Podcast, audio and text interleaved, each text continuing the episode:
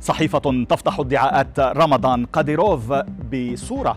صفحة ويل سميث المدوية قد تكلفه الكثير.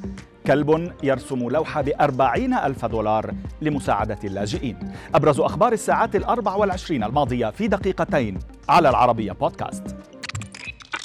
بعد انتشار صور ومقاطع فيديو لزعيم جمهورية الشيشان الروسية على أنه بين جنوده في مدينة ماريوبول جنوب أوكرانيا كشفت صحيفة تلغراف البريطانية أن رمضان قاديروف مخادع وموجود في روسيا وليس في الأراضي الأوكرانية.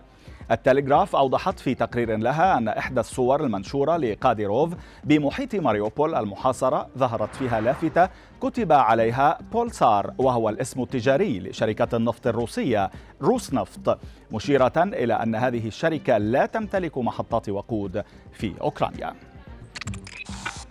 ما زال الحديث عن صفعة الأوسكار المدوية يشعل ال social media في العالم. هذه المرة بالتعليق الأول لمتلقي الصفعة كريس روك الذي بقي صامتا لثلاثة أيام. منذ وقوع الحادثة التي شكلت صدمة كبيرة لدى الكثيرين حول العالم.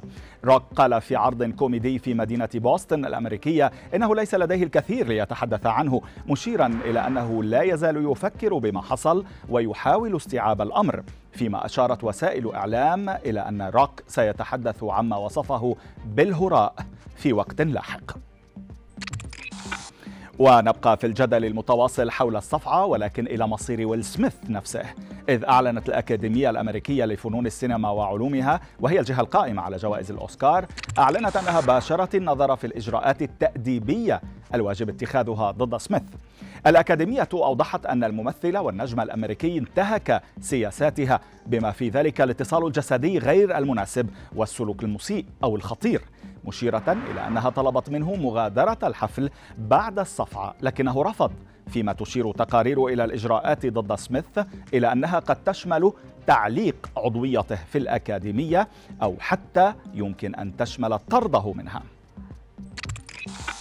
إلى إسبانيا هذه المرة حيث تهرب مواطن لأكثر من ست سنوات من دفع فواتير الطعام الذي يتناوله بالمطاعم حتى إنه لم يتخلى عن عادته تلك. رغم اعتقاله عشرات المرات. صحيفة تايمز البريطانية أوضحت أن الشرطة الإسبانية اعتقلت الرجل أكثر من 30 مرة منذ عام 2016 لتهربه من دفع الفواتير التي تتراوح قيمتها بين 15 و100 دولار في عدد من الحانات والمطاعم بمدينة شمالية إسبانية مشيرة إلى أنها تخلي سبيله في أغلب المرات لأن المطاعم قررت عدم توجيه تهمة إليه.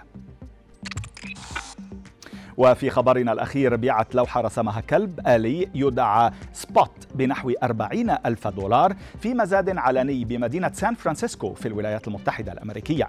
شبكة سي إن إن أشارت إلى أن الفنانة الأمريكية البولندية أغنيشكا بيلا استخدمت سبوت كفرشاة رسم أوتوماتيكية لإكمال اللوحة لافتة إلى أن النتيجة كانت تحالفا فنيا مذهلا بين الإنسان والآلة فيما سيذهب المبلغ لمساعدة اللاجئين الأوكرانيين.